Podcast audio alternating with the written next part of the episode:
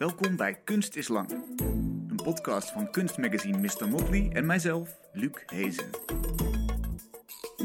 Dag, leuk dat je luistert. Ik praat vandaag met Daan Paans. Hij maakt multimediale installaties bestaande uit video's, sculpturen en veel foto's. Zijn werk draait om de vraag hoe wordt iets verbeeld. De manier waarop dat wordt gedaan zegt namelijk veel over de opvattingen van de maker. Het project The Killing of the Tree Spirit gaat bijvoorbeeld over de verbeelding van natuur. Hoe was die ten tijde van de romantiek? Hoe is die nu? En hoe kan die in de toekomst zijn? Het resulteert in een vergelijking van hedendaagse anime-figuren met oeroude beelden uit natuurreligies, eerbiedwaardige portretten van bomen, uitgelicht en vastgelegd alsof het bezielde wezens zijn, en een computergegenereerde voorspelling van hoe een eikenboom eruit zal zien in het jaar 2472. Een eerder project van Daan begon met een gouden godsbeeldje uit de film Indiana Jones, Raiders of the Lost Ark, dat geïnspireerd was op een eeuwenoud beeld van een Azteekse godin die een kind baart. Daan kocht de replica, fotografeerde het van één kant en vroeg een handwerker uit een andere cultuur er een kopie van te maken. Die kopie fotografeerde hij ook en hij stuurde een nieuwe kopieeropdracht naar een andere hoek van de wereld en zo verder. Zo ontstond er een reeks replica's waarin elk nieuw beeld beïnvloed werd door de fantasie, de voorkeur en de mogelijkheden van de maker. En ook in het project Lion Man, permanent te zien in de bibliotheek in Utrecht, draait het om variaties in de verbeelding van een oeridee, dit keer van een wezen dat half mens, half leeuw is. Welkom Daan, leuk dat je er bent. Dankjewel. Laten we beginnen met het project Pantarei. In de openingsscène van Indiana Jones, Raiders of the Lost Ark, zie je dat gouden beeldje. Hoe ziet dat eruit? Omschrijf hem eens. Nou, het is, uh, het is eigenlijk een soort uh, moedergodin, zou je wel kunnen zeggen. Um, in het geval van uh, de Indiana Jones film is die in goud getoond. Het is best wel een klein beeldje en hij heeft ook iets, ja, wat mij betreft een lichte westerse invloed ook tegelijkertijd. Hoe zie je dat? Hoe zie je dat? Goeie vraag. Nou, uh, het mooie aan, uh, aan een sculptuur is, uh, is dat het eigenlijk ook weer een hele verre voorgeschiedenis heeft. En als je kijkt naar eh, oude Azteekse sculpturen, hebben die wel echt een hele andere beeldtaal. Veel minder die. Ja, het, wordt, het heeft ook iets animatieachtigs eigenlijk. Het karakter, iets klein ronds, comics. En dat, dat zie je minder terug in de originele beeldvorming, zeg maar. Ja, want dat, daar duiken we meteen de geschiedenis in. Hè? Dat is wat jou ook interesseerde. Zeker. Dit beeld is, nou ja, heeft een inspiratiebron, maar is, is uh, verfilmd en op een bepaalde westerse manier dus blijkbaar, hoor ik nu. Ja, precies. Wat, wat was jouw idee over je aanvankelijke aanname over waar die vandaan kwam, de inspiratiebron? Nou, het, uh, het verhaal is eigenlijk uh, dat uh, Steve Spielberg heeft het sculptuur gebaseerd op een Tlaziotl afbeelding uit het Dumbarton Oaks archief in Washington D.C. Museum is dat? Museum is dat, archief slash museum. Hmm. En ehm, daarvan werd altijd gedacht dat het een hele belangrijke originele verbeelding was van deze godin. Maar zo'n 10, 15 jaar geleden werd ineens aangetoond van, oh, dit is ook een replica. Uh, we weten niet waar die gemaakt is. Zou China kunnen zijn, zou Europa kunnen zijn. Maar zeker niet uh, in pre-Columbiaans uh, Mexico. Mm. En daar ontstaat dan een heel interessante verwarring, vind ik eigenlijk. Van wat is nou origineel, wat is nou kopie? wat voor betekenisgeving geven we daaraan? En um, ik probeerde eigenlijk st verder stappen terug te maken van waar komt nou weer dat kopie vandaan? En wat is nou die originele bron? En ook hoe kijken mensen anno nu in Mexico dan ook weer aan tegen deze godin, die eigenlijk bij ons in het Westen heel erg in de popcultuur is beland door een film. Ja, en, en ben je daarachter gekomen hoe, hoe dat verhaal gaat? Ja, deels, deels. Dat is natuurlijk ook het leuke in het graven in uh, geschiedenis. Het is ook heel speculatief. Ja. Uh, waarheid, I don't know. Maar uh, er zijn zeker lijnen die ik heb gevonden. ik ben ook terug naar Mexico gegaan. Uh, met mensen uh, die uh, in gebieden leven waar ook best wel nog traditionele Azteekse cultuur is, waar Nahuatl wordt gesproken. met mensen in gesprek gegaan en je merkte heel erg dat eigenlijk um, christelijke symbolen, zoals een Maria, et cetera, eigenlijk ook weer de basis waren voor projecties van hun pre-Columbiaanse goden. Dus eigenlijk is mm. het beeld is totaal veranderd, maar de betekenisgeving en de projectie is nog steeds zoals toen. En dat is eigenlijk ook heel erg tijdens het kolonialisme uh, ontstaan. Van oké, we mogen niet meer onze eigen goden aanbidden. Dan projecteren we wel delen van onze uh, zienswijze op uh, die nieuwe cultuurvorm. Ja, zoals dat gaat. Met, met een soort compromis. Een beetje water bij de wijn. Als je maar wat water bij de wijn doet, dan mag het nog doorgaan. Een beetje dat inderdaad. Ja, precies. Vorm. Je hebt dat eigenlijk hetzelfde principe uitgebouwd in je project. Dus, dus door een kopie te bestellen op basis van een foto die bewust een beetje vaag was. Hè? Hoe heb je dat gedaan? Nou, niet per se vaag, maar inderdaad, eh, maar van één zijde. En ik vind het heel interessant. ehm, heel veel eh, wat wij tot ons nemen aan beeld is, is natuurlijk ook gewoon één perspectief. Dus eh, de rest mag je invullen. En dat zit hier ook heel sterk in. Zo, de maker die ik vraag weet niet hoe de achterzijde eruit ziet of de andere zijde. En daardoor krijg je natuurlijk ook weer vormen van invulling, wat in de realiteit ook heel veel gebeurt. Ja. Dus je, je geeft één foto, je zegt dit beeld wil ik gekopieerd hebben. Daarmee laat je bewust een ruimte voor de maker, degene die, die dat gaat doen. Ja, klopt. Wat krijg je dan terug? Wat was je eerste geval bijvoorbeeld? Het, eh, het varieerde ongelooflijk en dat was juist zo interessant. Eh, het eerste geval was ehm, een, eh, of het tweede geval eigenlijk, was een eh, replica die in Oeganda was gemaakt, eh, een houtsnijwerk. Ehm, nou, daar is best wel, oké, je ziet een eh, godin die ook een kindje baart, moedergodin, maar het is best wel nodon om eh, het vrouwelijk geslachtsorgaan eh, uit te beelden, anno nu daar. Ehm, dus wat er eigenlijk gebeurde is dat er een soort wazige prop tussen de benen alleen nog maar te zien is. Wat al een hele gekke vertaling weer was van, van het beeld dat ik stuurde. Dus dan zie je alweer dat de culturele referentie zoveel weer doet met ja, interpretatiewijze en beeldvorming. ja. En is dat dan censuur? Zie je dat op die, kijk, bekijk je daar op die manier tegenaan? Of denk je, ja, dit is nou eenmaal de, de mooie invloed van hoe, hoe iets gaat als je het de wereld instuurt? Iedereen doet er het zijne mee? Ja, dat, dat laatste toch meer censuur is niet. In het voorbeeld dat ik gaf zit natuurlijk een lichte vorm van censuur in. Ja. Maar over het algemeen was dat niet aan de orde. Het was echt wel van oké, hoe, ja, hoe, hoe hybridiseert cultuur door, eh, ja, door in aanraking te komen weer met verschillende culturen. En dat is natuurlijk in een mondiale, mondiale wereld anno nu gewoon ook iets wat constant gaande is. Een culturele smeltpot eigenlijk. Eh, En misschien eigenlijk wel in wezen altijd zo geweest. zeer zeker. Misschien minder eh, in de tijd dat we nog geen oceanen overgingen en, eh, en, en elkaar leerden kennen. Maar in essentie, ja, is er geen origineel, zou je bijna kunnen zeggen. Dat is wat je net ook zei hè, bij, bij dat eerste idee van ja, waar het origineel vandaan komt, weten we eigenlijk niet. Nee, precies, precies. En het idee van authenticiteit maakt dat, maakt dat ook natuurlijk heel lastig. Van wat is nou authenticiteit dan? Ja, Voor mij is een eh, Xenos eh vaas anno nu net zo authentiek als een Chinese vaas uit de 14e eeuw, bij wijze van spreken. ja, ja dat, is, dat ben ik helemaal met je eens. Ik heb daar ook een heel interessant boekje over gelezen van eh, George Coupler. Dat heet The Shape of Time to Come.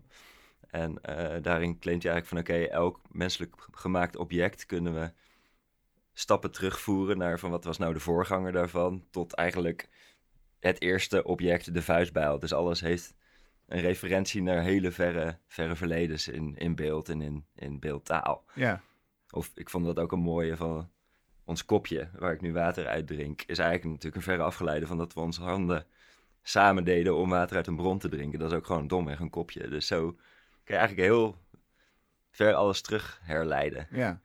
En dan is interessant, op een gegeven moment houdt dat op natuurlijk. Op een gegeven moment houdt ons voorstellingsvermogen op. Je zou kunnen denken, eh, bij ons is dat misschien bij Neandertalers of zo, ergens, ergens in die eh, eh, sfeer. Maar er ligt natuurlijk nog een enorme voorgeschiedenis achter, of voor, kan ik beter zeggen natuurlijk in dit geval. Is dat ook iets waar jij, waar jij over nadenkt? Of is het menselijke domein jouw, jouw wereld, jouw rijkwijde? Ja, ik vind het een interessante vraag, want ja, ik zou gelijk willen antwoorden, het menselijk domein is mijn rijkwijd. Tegelijkertijd ben ik heel veel bezig met ecologie en hoe we omgaan met ecologie. Maar dan wel heel erg in een setting van hoe mens en ecologie zich tot elkaar verhouden. Dus in die zin, nee, ik ben niet bezig met, met deep time, om het zo maar te benoemen. Ik vind dat heel interessant gegeven ook. En, en hoe we eigenlijk zo nietig zijn in ons menselijk, ja, menselijke historie. Dat, dat is zeker iets waar ik wel over nadenk, maar niet heel letterlijk eh, in mijn werk laat terugkomen. Nee. Je hebt het eh, ehm, naar Oeganda gestuurd. Wat waren de volgende landen waar dat beeldje naartoe is gegaan? Althans, waar de vraag naartoe is gegaan. Ehm, het is eh, daarna ook naar ehm, Italië gegaan. Naar een man die nog in vrij traditionele vorm in Carrara marmer Ja? werkt. Ehm, hij woont ook eh, best wel dicht eh, in de buurt van die bron.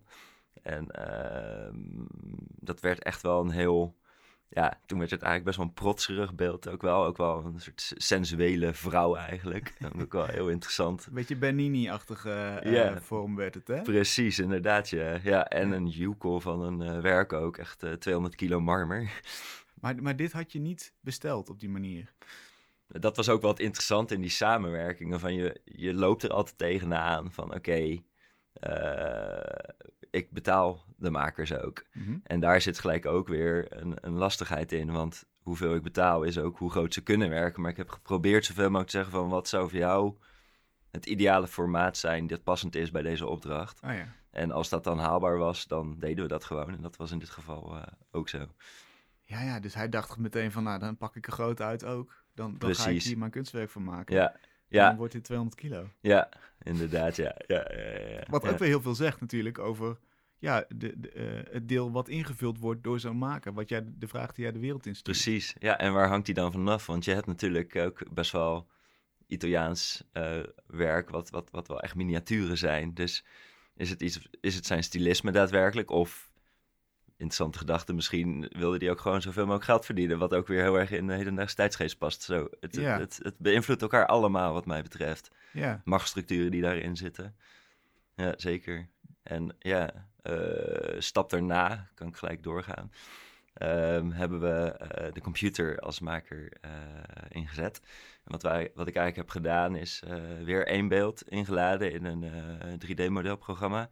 En daarin zit een button van vul hem maar eh, op een algoritme in, zeg maar. Dus dan gaat de computer eigenlijk met digitale klei eh, op zo'n beeld smijten. Mhm. En krijg je dus één hyperrealistisch zijde qua kopie. En de andere zijde is gewoon totaal randomized eh, door de computer. Toen Ja, werd hij ook heel bijzonder. ja vertel, hoe omschrijft dat eens? Ja, nou ja, eh, het was dus maar net aan welke kant van het sculptuur je stond. Als je er links van staat, zie je eigenlijk een exact kopie van het voorgaande. Als je er rechts van stond, zag je een soort, ja, digitale kleinmodder, echt letterlijk. Eigenlijk heel, wel figuratief, maar niet meer per se heel erg een eh, moederwezen. Dus dat was een heel groot, heel groot, eh grote stap eigenlijk. W- Al deze variaties in wat toch in essentie een basisidee is, of, of best, een, best een helder concept. Wat leert het jou over de wereld? Dat is een grote vraag, maar wat, wat, wat heb je eruit gehaald? Wat het me over de wereld leert, vind ik inderdaad echt een hele grote vraag. Laten we die tweede doen. ja, ja. Ehm, nou ja, natuurlijk sowieso hoe cultuur en versus betekenisgeving constant in verandering is. En, en hoe er constant ook gespannen voet is tussen die twee. En ja, ik denk dat je het ook wel heel mooi kan projecteren op, op, op wat er heden ten dagen gaande is. eh, met mediabeeldvorming, eh, polarisatie eigenlijk ook Hmm. eh, een projectie op, op een bepaald beeld, wat voor betekenis we daaraan geven. Dat heb ik er zeker heel sterk ja, in gezien in het experiment. Ja, en toch ook wel waar we eerder over spraken van, hè, je hebt zo'n culturele evolutie, die boots ik na. Daarbij kan je ook die stap weer heel duidelijk terugzien van dat, dat principe klopt voor mij nog wel heel sterk. In het laatste sculptuur bijvoorbeeld zie je nog steeds die basisvormen op een hele interessante wijze terugkomen. Ja. Dus het is voor mij ook wel een die, soort... die barende vrouw. Precies, Ja. precies. In een andere hoedanigheid. Maar het is voor mij wel een soort ja, case study die bewijst dat die denkwijze voor mij heel kloppend is. Dat je ook dus stappen terug kan zetten in, in waar komt iets vandaan en hoe ver kan je dat herleiden, zeg maar. En dat er dus een oerbeeld is, eigenlijk, blijkbaar. Ja, precies. Wat, wat, wat Ja. betekent dat voor jou, een oerbeeld? Hoe denk je daarover na? En waar houdt dat op? Ehm, ja, eh, ook best wel een brede vraag, maar ik moet dan gelijk wel aan een voorbeeld eh, denken. Ehm, dat is wel een ander project al, maar in het project Lionman eh was eigenlijk mijn trigger dat ik een van de oudst sculpturen ooit zag. Een eh, 38.000 jaar oud beeld van een eh, leeuwmens. Dus een hybride vorm tussen een mens en een leeuw. En eigenlijk het- eerste waar ik aan moest denken was een anime-figuur uit, eh, uit een Japanse serie. Eh, en ja, dat, dat vond ik wel heel typisch, zeg maar. Dat je, dat je wel heel in sommige hedendaagse beeldvormen heel duidelijk ja, echt oerbeelden terug ziet komen, zeg maar. Alsof het een soort instinctief of collectief iets is Ja. Wat in ons zit. Daar noem je twee verschillende dingen, eh, instinctief of, of collectief, als in cultureel. Welk van de twee denk je dat sterker is? Zit, zit dat ergens diep van binnen in ons DNA, wij van spreken? Of is dat meteen aangeleerd omdat het nou eenmaal altijd in al die tijden voorkomt? Ja, dan heb je ook alweer een tweedeling natuurlijk van... Ja, inderdaad, wat is aangeleerd, wat is instinctief? Uh, ik vind het echt heel moeilijk om mijn uitspraak over te doen, Luc. Want uh, dat kan je zo moeilijk doorgronden. Wat dat mm. betreft kan je dat zo moeilijk doorgronden. Ik heb wel echt het gevoel dat dat er een instinctieve wereld onder ons moderne denken zit. Dat zeer zeker. Uh, waar we vaak helemaal niet mee bezig zijn, niet bij kunnen, maar die wel degelijk aanwezig is in ons hedendaagse leven ook. Um, dus instinctief ga ik dan voor, inderdaad. Ja. Dat is een heel interessant antwoord, want dan is er dus blijkbaar een soort verborgen beeldenwereld in ons die je zou kunnen uh, ontrafelen, waar, je een, een, meerwaarde aan zou hechten dan iets wat je out of the blue nu tekent, iets, iets abstracts of zo. Toch? Dan, dan zijn er een mhm. soort oerbeelden in ons. Ja, en denken. idee, ja. Ja, ja, iets instinctiefs. Ja, maar ik denk ook een soort relatie tot, ja, tot de natuur, tot de ecologie moet ik dan heel sterk aan denken. Uh, wat dat met ons doet en wat voor beelden dat voortbrengt. Mm. Um, de, de goden waar we net over spraken, de sculpturen, uh, zijn ook allemaal, ja, in zekere zin animistische sculpturen. Ehm, we gaan heel erg in op, op, op onze relatie tot de natuur door, door die natuur te verwezenlijken. Ik denk dat dat wel heel erg een soort oeridee is, wat wij deels verloren hebben, maar ook nog in ons hebben. Ik ben daar zelf ook wel veel mee bezig. Ehm, wat ik heel belangrijk vind, is ehm, dat we ons realiseren dat wij één zijn met, met de ecologie, met de natuur. En niet dat die tweescheiding er is die wij heel erg maken. Mm. En ja, daar daar zit denk ik heel erg een stukje instinct wat we kunnen eh, terugvinden, zeg maar. Ik merk dat zelf heel sterk bijvoorbeeld ehm, als ik in een hele grauwe buitenwijk loop en ik, ik heb het gevoel van oké, eh, ik voel me echt leeg hier.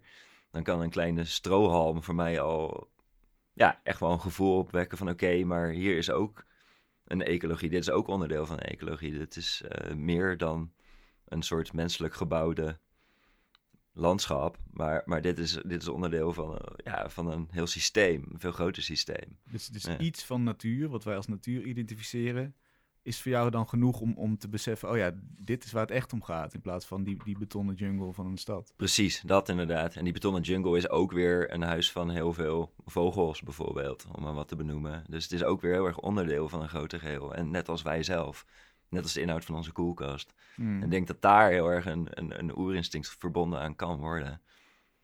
En daar zitten inderdaad uh, ja, oerbeelden bij. Dus je zei net, de verbeelding van, uh, van heel veel van die oude beeldelementen, die, die komt uit de natuur. Mm dus, dus bomen, beesten, uh, de zon, de maan, nou ja, noem, noem alle, alles wat, je, wat je te binnen schiet voor je geestesoog als je het hebt over die oude symbolen. Hoe helpen die op, op dit moment uh, ons verder. Want je zou kunnen zeggen, daar zijn we een beetje van verwijderd geraakt. Mhm. dat, zijn, dat zijn elementen, als je die ziet van oude opgravingen of oude rituele of spirituele bronnen. Mhm. Hebben die nu nog waarde? Nou, ik denk vooral dat ze... Ze hebben zeker waarde wat mij betreft. Kunnen we heel veel leren van het verleden. Maar waar ik hierbij heel sterk aan moet denken... is denk ik dat er ook heel erg een domeinverschuiving is... in hoe we deze zaken tot ons nemen. Uh, bijvoorbeeld wat ik net benoemde van, oké, eh, dat, hele oude leeuwmens deed me denken aan een animatiekarakter. Ik denk in het domein van de populaire cultuur, van de film, uh, dat we daar ook weer heel veel terugvinden in, in, in ja, hoe we ons verhouden tot, tot die droom, of tot die instinctieve wereld, zeg hmm. maar. Um, je zou bijna kunnen zeggen dat, dat, dat veel hedendaagse films ook een, in een bepaalde hoek, ik geef even Lord of the Rings, toch een soort bovennatuurlijke ervaring proberen te geven uh, middels het romantiseren van de natuur. En uh, dan moet ik even terugnemen. In de, traditie van bijvoorbeeld een religie of zo? Eigenlijk daar wel. vergelijk je het dan mee? Daar, daar vergelijk ik dat ook mee. Een groter verhaal, wat, wat duidt op een systeem wat groter is dan, dan wij zelf. Ja, precies, precies. En ik weet niet of dat ik daar heel letterlijk antwoord mee geef op, jou, op jouw vraag. Maar ik denk wel dat het heel sterk raakt, zeg maar. Mm. Uh, dat, dat, dat ook weer die, dat oerinstinct misschien gevonden kan worden in de manier waarop wij uh, dingen verbeelden in, in hedendaagse films. Ja. Dus de verschijningsvorm is anders, maar de elementen, dezelfde beeldelementen, zitten er gewoon nog in. Exact, exact. Dat inderdaad, ja. Je, je ja. hebt dat in de bibliotheek in Utrecht gedaan, deze leeuwmens. Vertel, wat, hoe, welke vorm heeft het gekregen? Ja, het is, het is dus een hybridisatie. eh, het zijn verschillende elementen die ik eh, gemaakt heb, maar ik begin even bij het sculptuur dat ik gemaakt heb. Het is eigenlijk een hybridisatie tussen ehm leeuwmensen uit verschillende tijdsgeesten. Dus ik heb ehm, die 38.000 jaar oude leeuwmens eigenlijk vermengd met eh, eh, een wezen uit eh, Thundercats, de, het stripboek, voor wie hem nog kent Ja. jaren tachtig. eh, met een sekmet uit de Egyptische cultuur. Wat is dat? Hoe ziet het eruit? Ja, dat is eigenlijk ook een, een staand half mens, half leeuw sculptuur. En ja, uit het domein van de Egyptenaren, zeg maar. Mhm, mhm. Ehm, ik heb daar een eh, wezen uit eh Kung Fu Panda in eh, geïntegreerd, dat ook een leeuwmens was. Je ziet heel veel... ik was best wel gewoon een verzameling aan het aanleggen van wat zijn nou allemaal leeuwmensfiguren van... sinds we leeuwmensfiguren maken. Mhm. En dat is ongelooflijk hoe, hoeveel dat was. Maar goed, ik heb dus die, die vormen die ik net benoemde, die heb ik eigenlijk samengevoegd in een 3D-modelleerprogramma. En eh, daardoor ontstaat er eigenlijk een tussenvorm tussen iets van 38.000 jaar oud en nu. En het is nog steeds een heel reëel leeuwmenswezen. En is dat dan de essentie? Eh, Was je streven de essentie van al die variaties vangen? Deels dat inderdaad, maar deels ook eh, eigenlijk waar, we het net over, waar we net over spraken, van hoe zien we oervormen ook terug in ons, in ons heden. Vind ik daar heel, heel goed in terugkomen, zeg maar. Dat, Ja. je, dat, je dat, dat je het ook een deels eigen tijdsuitstraling geeft, waardoor je snapt, wacht even, dit is niet een, eh, dit is niet een opgegraven ding of, of een referentie aan het eh, verre, verre verleden. Ja, precies, dat klopt inderdaad, ja. ja. En ik heb hem ook eh, op symbolische wijze teruggebracht naar de vindplaats van het originele Leeuwmens sculptuur. Hmm. En daar heb ik hem in die grot, heb ik dat hedendaagse sculptuur weer gefotografeerd als een, ja, als een symbool van dat de tijdseenheden eigenlijk ook weer daarmee gewoon samenkomen en weer, ja, Een gesloten cirkel. een gesloten, gesloten cirkel inderdaad. Ja, En zie ja. je dan dat beeld eh, dat, dat, dat destijds opgegraven is nog als het origineel? Denk je in die termen? Of is dat gewoon één van de beelden uit die cirkel? Ja, dat laatste. Ja. Ja, absoluut. Ja. Waarmee we, als je dat consequent doortrekt, ook eh, heel anders, denk ik, naar archeologie gaan kijken. Misschien naar geschiedenis. Eh, de waarde van wat nu gemaakt wordt, dat is dan allemaal op hetzelfde niveau. Zie je het zo?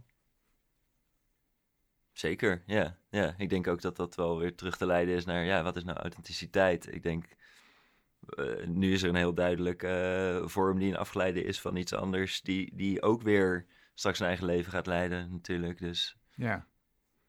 Nou, het is interessant dat je, eh, dat, je dat, dat je daarmee zo egaal maakt. Want heel veel mensen die, die zullen zeggen, we, hebben, moeten eerbied hebben voor het verleden, hè, we moeten daarvan leren. Eh, we, kunnen ons, we moeten ons nederig opstellen en kijken naar wat er destijds gemaakt is. Maar eigenlijk zeg jij, en dat, zei- dat zei ze straks ook, een, een, een, een Xenos ding is net zo waardevol als een Chinese vaas die aan wat voor hof dan ook gemaakt is. waarmee ik niet wil zeggen dat we, daar, dat we niet kunnen leren uit het, eh, van Nee, het beeld uit het verleden. Hè? Dat, dat absoluut niet, inderdaad.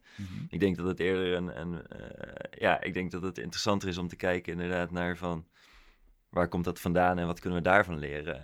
Ik denk dat, wat dat betreft ook dat het interessant is om te spreken over hoe, dan kom ik wel bij mijn meest recente project, ehm, hoe eigenlijk het, de romantische beeldvorming ook weer heel erg onderdeel is eh, van onze kijk op eh, de natuur anno nu. Ja, laten we die nog heel even bewaren. Ik wil nog heel even de, de Lion Man eh, afmaken. Helemaal goed, Want we helemaal hebben goed. eerst ja. een beeld Ja. eh, eh, had je neergezet, was je aan begonnen. Mhm. En vervolgens er ligt ook een soort documentatie bij.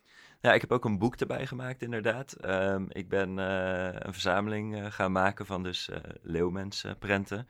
en ehm, dat, dat liep dus inderdaad van een Thundercats eh, strip, eh, animated strips, tot eh, archeologische boeken waar ik eh, prenten in vond. En eigenlijk heb ik daar weer een transhistorisch werk van gemaakt. Dus ik combineer eigenlijk steeds verschillende beelden uit verschillende tijdsgeesten, gewoon puur op vorm. En de pagina's zijn allemaal ook weer in verschillende formaten, waardoor ze ook weer met elkaar een wisselwerking aangaan, zeg maar. Wat op zich een mooi beeld is, ook in de bibliotheek. Hè, plek waar alle bronnen samenkomen en, en eh, een huis vinden. Dus we hebben een boek, we hebben een beeld. En we hebben de, nog een fotoserie uh, omtrent dus, wat ik al eerder benoemde, die grot, uh, waar die vindplaats is, waar ik het sculptuur weer heen nam, zeg maar. Ja. Hoe hoop je dat mensen dit gaan bekijken, deze, deze reeks? Hoop je dat ze met jou mee de geschiedenis ingaan naar al die, die bronnen?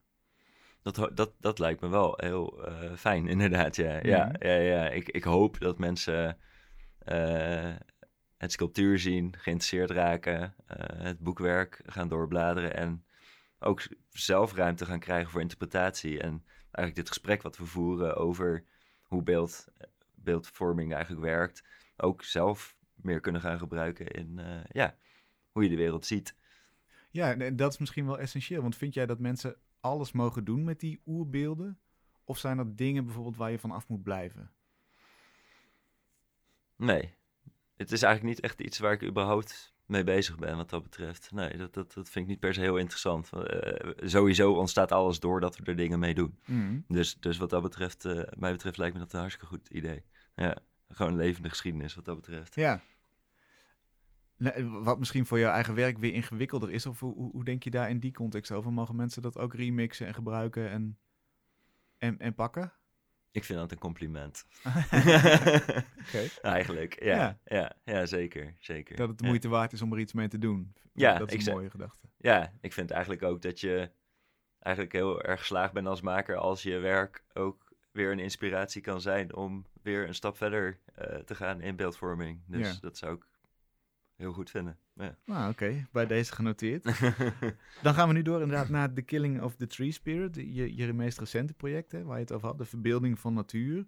En uh, je begon net te vertellen, het ging over uh, de, de, de stap in het verleden, is hoe er in de romantiek naar natuur gekeken werd. Ja, correct.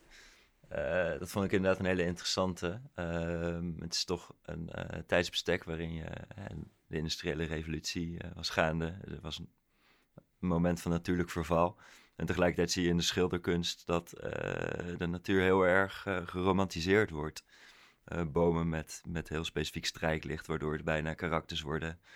Je zou het bijna ook als iets animistisch kunnen zien, wat mij betreft.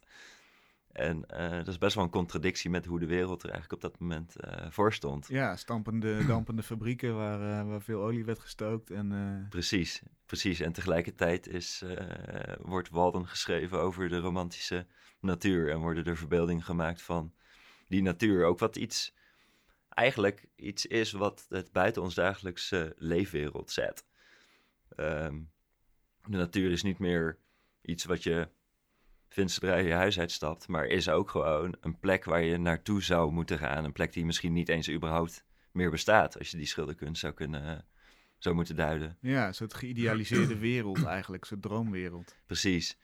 En daarmee ontstaat er misschien um, ook wel een discrepantie tussen ons en de natuur.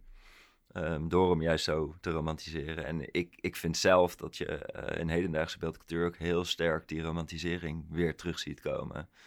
Die Lord of the Rings die ik al noemde, is daar een leuk voorbeeld van. Ja. Maar ook, ook in de commerciële wereld. In de, er is heel veel greenwashing, waarbij je dat prachtige bos, wat, uh, wat, wat zeker niet uh, voor ons uh, bereikbaar is met, met de fiets, ziet langskomen. Ja, ja precies. Natuurlijk. maar ook dingen als Bali, strandvakanties, hè, ongerepte natuur. Precies. Maar wel drie, vier, vijf, zes vliegtuigen, vliegtuigen per dag. Die wat juist die natuur ook weer vernietigt. Dus daar zit ook een hele grote contradictie inderdaad. Ja. ja. En je denkt dat is in de romantiek zo'n beetje begonnen, die, die splitsing. Ja, ja, dat, ik bedoel, ik ben geen wetenschapper op dat vlak, maar, maar vanuit hoe ik daar beeldend naar kijk en hoe we het verbeelden en uh, hoe dat weer uh, ja, refereert naar onze relatie daartoe, uh, denk ik inderdaad dat dat daar heel sterk is ontstaan. Ja. Hoe heb jij daar een tegenhanger voor bedacht in dat project? Nou, um, er zijn eigenlijk verschillende lagen in het project die daar op ingaan. Um, een daarvan is eigenlijk een, een fotografische serie, waarbij ik eigenlijk de hedendaagse natuur op nou, zo'n beetje loopafstand van mijn huis. Uh, proberen te fotograferen op een wijze zoals dat in de romantiek wordt gedaan. Uh, dus uh, ik heb kunstmatig licht gebruikt waarbij ik die bomen heel specifiek uitlicht, waardoor het eigenlijk ja, voor mij ook wel bijna bezielde wezens worden in, in beeld. Ja, dat is die animistische blik, hè? Iets Precies. dat niet leeft, tot, tot karakter verheffen. Precies, inderdaad, ja. ja. Mhm. En daarmee doe je eigenlijk ook heel erg sterk, eh, wat ik net benoemde, die, dat spanningsveld opzoeken. Maar daarmee wil ik ook juist een vraag positioneren. Zo van, zorgt dit ervoor dat we ons eh, dichter bij de natuur voelen in onze eigen leefomgeving? Of zorgt het voor een discrepantie? Dat laat ik ook aan de kijker over, wat dat betreft. En ja, er, zit ook, er, er is een heel interessant boek eh, van Timothy Morton. eh dat heet eh, Ecology Without Nature. En daarin stelt hij eigenlijk ook dat we van het idee af moeten zoals we natuur verbeelden. En dat we juist, hè, ik geef maar een voorbeeld, de ert in ons diepvries ook heel duidelijk als een belangrijk onderdeel van de ecologie moeten zien. Of onze woning bijvoorbeeld. Eh, En onszelf. eh, en, en dat is iets waar ik, waar ik ook naar wil refereren wel. Ja, Eh, dat spel, opzo- spel opzoeken eigenlijk. dat is één reeks, Ja. één laag eigenlijk in het project. Mhm. Wat zit er nog meer in? Een ander onderdeel, eh, dat vond ik een heel interessant experiment, eh, ben ik juist gaan kijken of dat we ook iets uit de toekomst kunnen verbeelden. Eh, ik ben al wel eerder bezig geweest met hoe zijn we nou bezig met de toekomst verbeelden. Eh, maar eh, ik kwam nu op een eh, wetenschappelijke methode, waarbij er dus eigenlijk op best wel speculatieve wijze voorspellingen worden gedaan over toekomstvormen. Dat komt uit de evolutionaire biologie. Is een softwarepakket waarmee je eigenlijk data uit het verleden van bijvoorbeeld hoe een vogel evolueer, een evolutie heeft doorgemaakt Mhm. en hoe dat dan in de toekomst zou zijn. Eh, nou heb ik vervolgens met iemand die eh, expert is in eh, artificiële intelligentie, eh, zijn we dat programma gaan ombouwen eigenlijk, waardoor we ook culturele data kunnen inladen. Want een culturele evolutie is eigenlijk heel vergelijkbaar met een natuurlijke evolutie, wat mij betreft. Oh. Ehm, Want die, die natuurlijke evolutie, die snap ik nog. Hè? Mhm. Dus, je zou kunnen zeggen, dat is gewoon hoe, hoe dieren zich ontwikkelen. Dat is inderdaad de evolutie leren. Hè? mhm, Die mhm. passen zich aan aan omstandigheden. Maar je zegt, culturen passen zich ook op een voorspelbare manier aan. Eh, passen zich Vermoed ook je? aan op, op, op, eh, op omstandigheden, dat denk ik zeker. Ja, het, eigenlijk waar we het over hebben, doet, is dat, zijn daar constant voorbeelden van. Ja. Zo'n Indiana Jones eh, sculptuur is eigenlijk, een, eh, die heeft een evolutie doorgemaakt vanuit de Latijns-Amerikaanse variant naar de hedendaagse westerse popcultuur. ja. Het is eigenlijk een heel vergelijkbaar iets, wat mij betreft. Alleen wat ik interessant vind, is, is dat je denkt dat het te voorspellen is.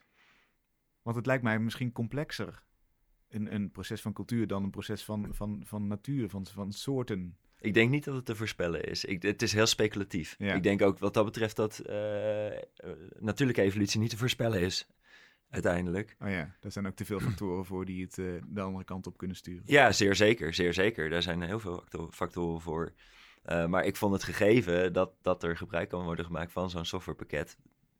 Die daar toch op wetenschappelijke wijze eh, ja, iets met die beelden doet. eh, dat vond ik een interessant gegeven. Ja, Dus wat we eigenlijk zijn gaan doen is, of wat ik ben gaan doen, is mm, representaties van eikenbomen van de afgelopen 500 jaar ben ik gaan verzamelen. Ehm, die hebben we vervolgens in chronologische volgorde ingeladen in die programmatuur. En dan ga je parameters instellen van oké, eh, let op eh, de kleur van de bladeren, de doorschijnendheid, eh, de basstructuur, de schaal van realisme. Dan gaat die vervolgens, gaat het programma dus een soort tendens in dat beeldmateriaal zoeken en Mhm. komt die met een uitspraak, in dit geval over 450 jaar. En die uitspraken zijn alleen maar cijfertjes. Cijfertjes van die de kleur weergeven, cijfertjes die de basstructuur weergeven. En daar moet je weer een vertaling aan gaan maken om weer een nieuw beeld te maken, zeg maar. en wat komt er dan uit? Ja, nou, dat is wel interessant, want eh, ik had die cijfertjes. En je zit natuurlijk wel vast aan eh, hoe we nu beeld kunnen maken. En ik vond het een hele logische stap om met 3D-renders te gaan werken. Ehm, wat we hebben gedaan is eigenlijk een soort basis eikenboom. Gewoon een, een, een- basisvorm van een eikenboom genomen en daar alle data op losgelaten. En eh, wat komt eruit? Nou, het was een boom. Het is een boom die eh, heel bijna fluorblauw-groenige eh bast heeft. Eh, wat ik heel dat, dat vond ik heel mooi. dat, dat, dat, dat die kleur eruit kwam, vond ik heel bijzonder. Want ik kan dat ook helemaal niet pinpointen in het materiaal waar dat dan vandaan komt, zeg maar. Nee. En ehm, ja, hij heeft eigenlijk best wel iets realistisch. En dat, dat vond ik wel interessant eigenlijk. Dus de realistische vorm zit er nog in. Ja, Je zou kunnen zeggen dat refereert weer aan dat oerbeeld, dat oeridee van een boom. precies. Maar hij heeft een totaal andere kleur. Ja. En, en waar zou dat vandaan kunnen komen? Heb, heb je enig idee? Ja, ik weet het niet zeker. Maar ehm, de, de laatste twintig jaar aan beeld wat ik in heb geladen... was veel uit eh, digitale cultuur ook. Waarbij je ook wel veel, ja, soms vreemde kleurige eh, bomen... En dat is misschien dan toch een tendens die die meeneemt... eh, in die toekomstvoorspelling. En dat heeft dan te maken met misschien de manier waarop beeld gemaakt wordt of zo. De, de manier waarop een digitale camera dat vertaalt naar data.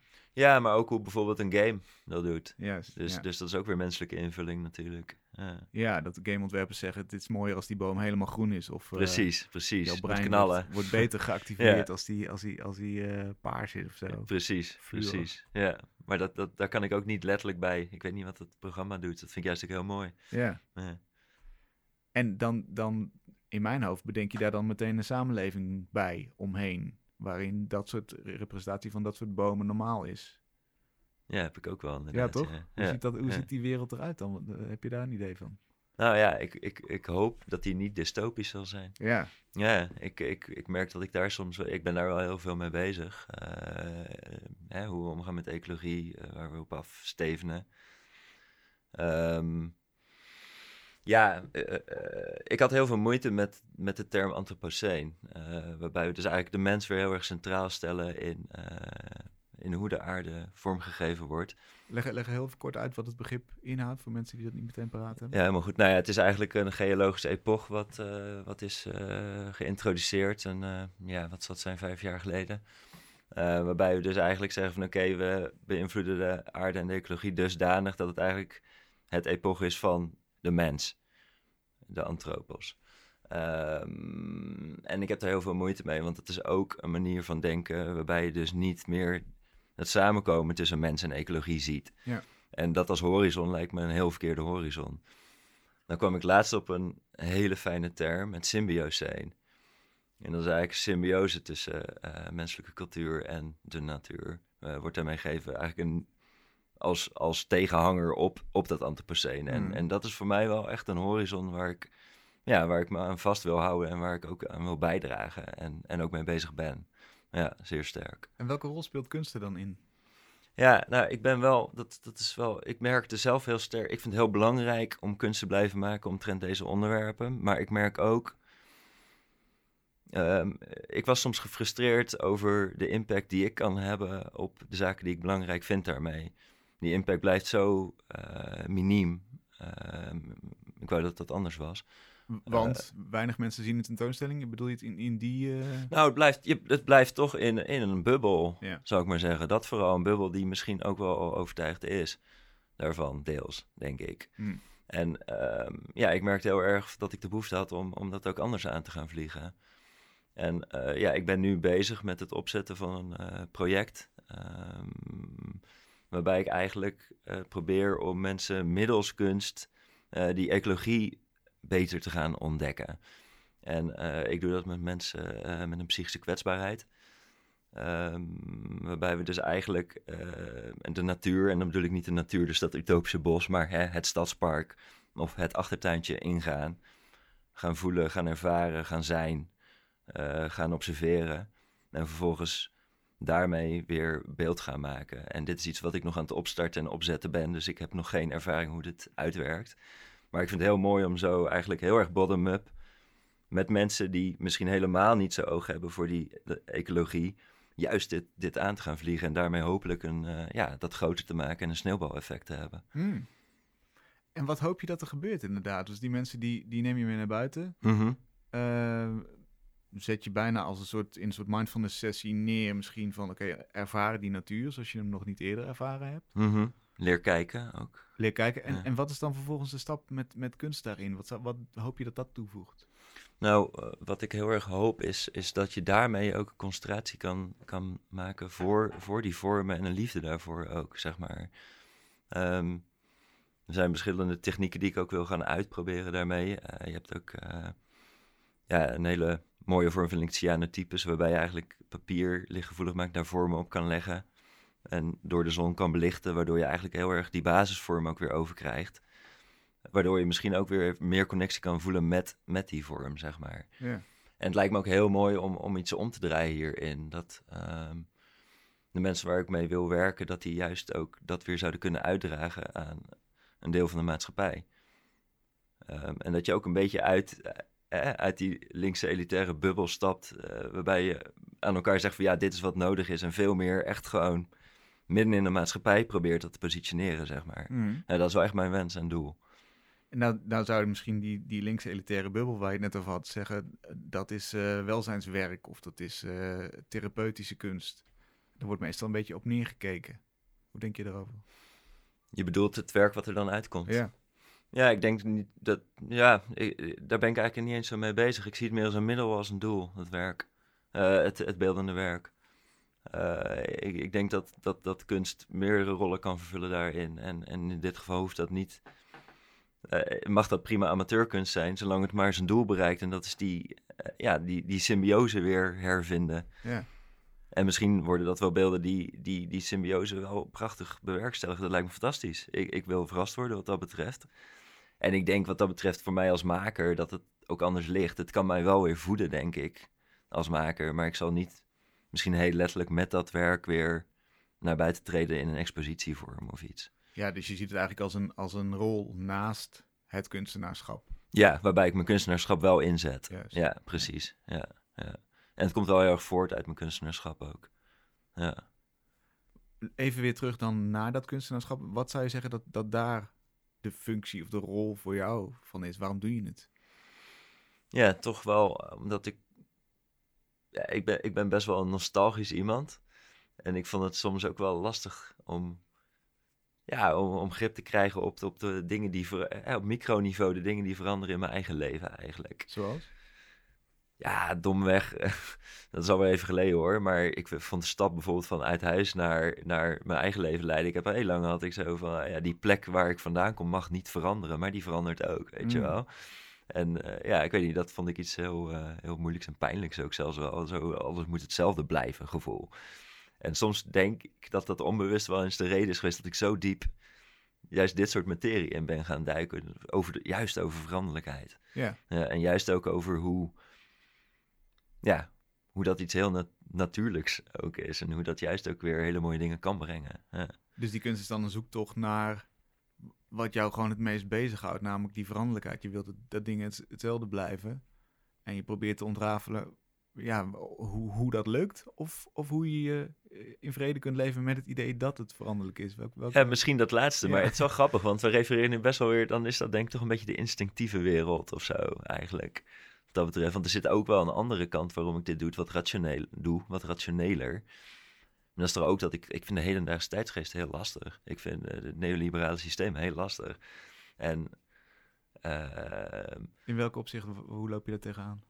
In mijn persoonlijk leven, ja, de red race, de snelheid, uh, de, het, het, het, het, constant moeten presteren, veel moeten doen. Uh, Waarbij we tegelijkertijd helemaal niet vooruitkomen als mensheid, wat mij betreft. Daar loop ik heel erg tegenaan. De drukte van alles. Ehm, en ik denk dat het wel echt anders moet en kan. Maar daarmee kom ik weer bij Indiana Jones. Uh, Zo'n zo, zo'n gouden beeldje, wat hartstikke neoliberaal is, goud is, het toonbeeld daarvan. Maar tegelijkertijd kan ik ook weer ja, meer ervaren, waar komt dat nou vandaan? Waar komen die beelden vandaan? En, en, en hoe zijn die nu? En wat zou erachter kunnen zitten? En hoe zou dus ook op een andere manier kunnen inzetten? Dus ik denk dat het die zin, ja, dat je daar ook wel in aan het porren en vroeten en schaven bent. Ja, dus die kunst uh, die we ze net even apart zetten van, van het idee dat je maatschappelijk effect wil bereiken. Mhm. Ook die kunst gaat over uh, proberen te begrijpen wat het nou voor raar leven is, wat we hier met z'n allen aan het leiden zijn. Dat absoluut, is ook geworteld in dat dagelijks leven. Absoluut, ja, zeer zeker. Ja, ja, die sluiten naadloos op elkaar aan uiteindelijk. Ja. zeker. Wanneer kunnen we je werk gaan zien binnenkort? Nou, er is dus sinds een week een expositie afgelopen, helaas een solo-presentatie van The Killing of the Tree Spirit. Mhm. Uh, mijn volgende stap is eigenlijk om een uh, publicatie te gaan maken van het werk van de afgelopen tien jaar. En daarbij veel meer de researchlagen en uh, ook een textuele laag te gaan toevoegen. Waardoor je ook ja, dieper het werk in kan duiken zonder een installatie te bezoeken. Dus ik hoop over een jaar dat je mijn werk in publicatievorm kan zien. En natuurlijk in de bibliotheek in Utrecht. En natuurlijk in de, bibliotheek in Utrecht de komende tien jaar. Ja, dat is uh, op de reisafdeling uh, bij de Neuden. Dankjewel, leuk dat je er was. Hey, hartstikke bedankt. Tot zover Kunst is Lang voor deze week. Dit programma wordt mogelijk gemaakt door het Prins Bernhard Cultuurfonds, het BNG Cultuurfonds en het KF Heijn Fonds, waarvoor heel veel dank. We zijn er volgende week weer. Tot dan.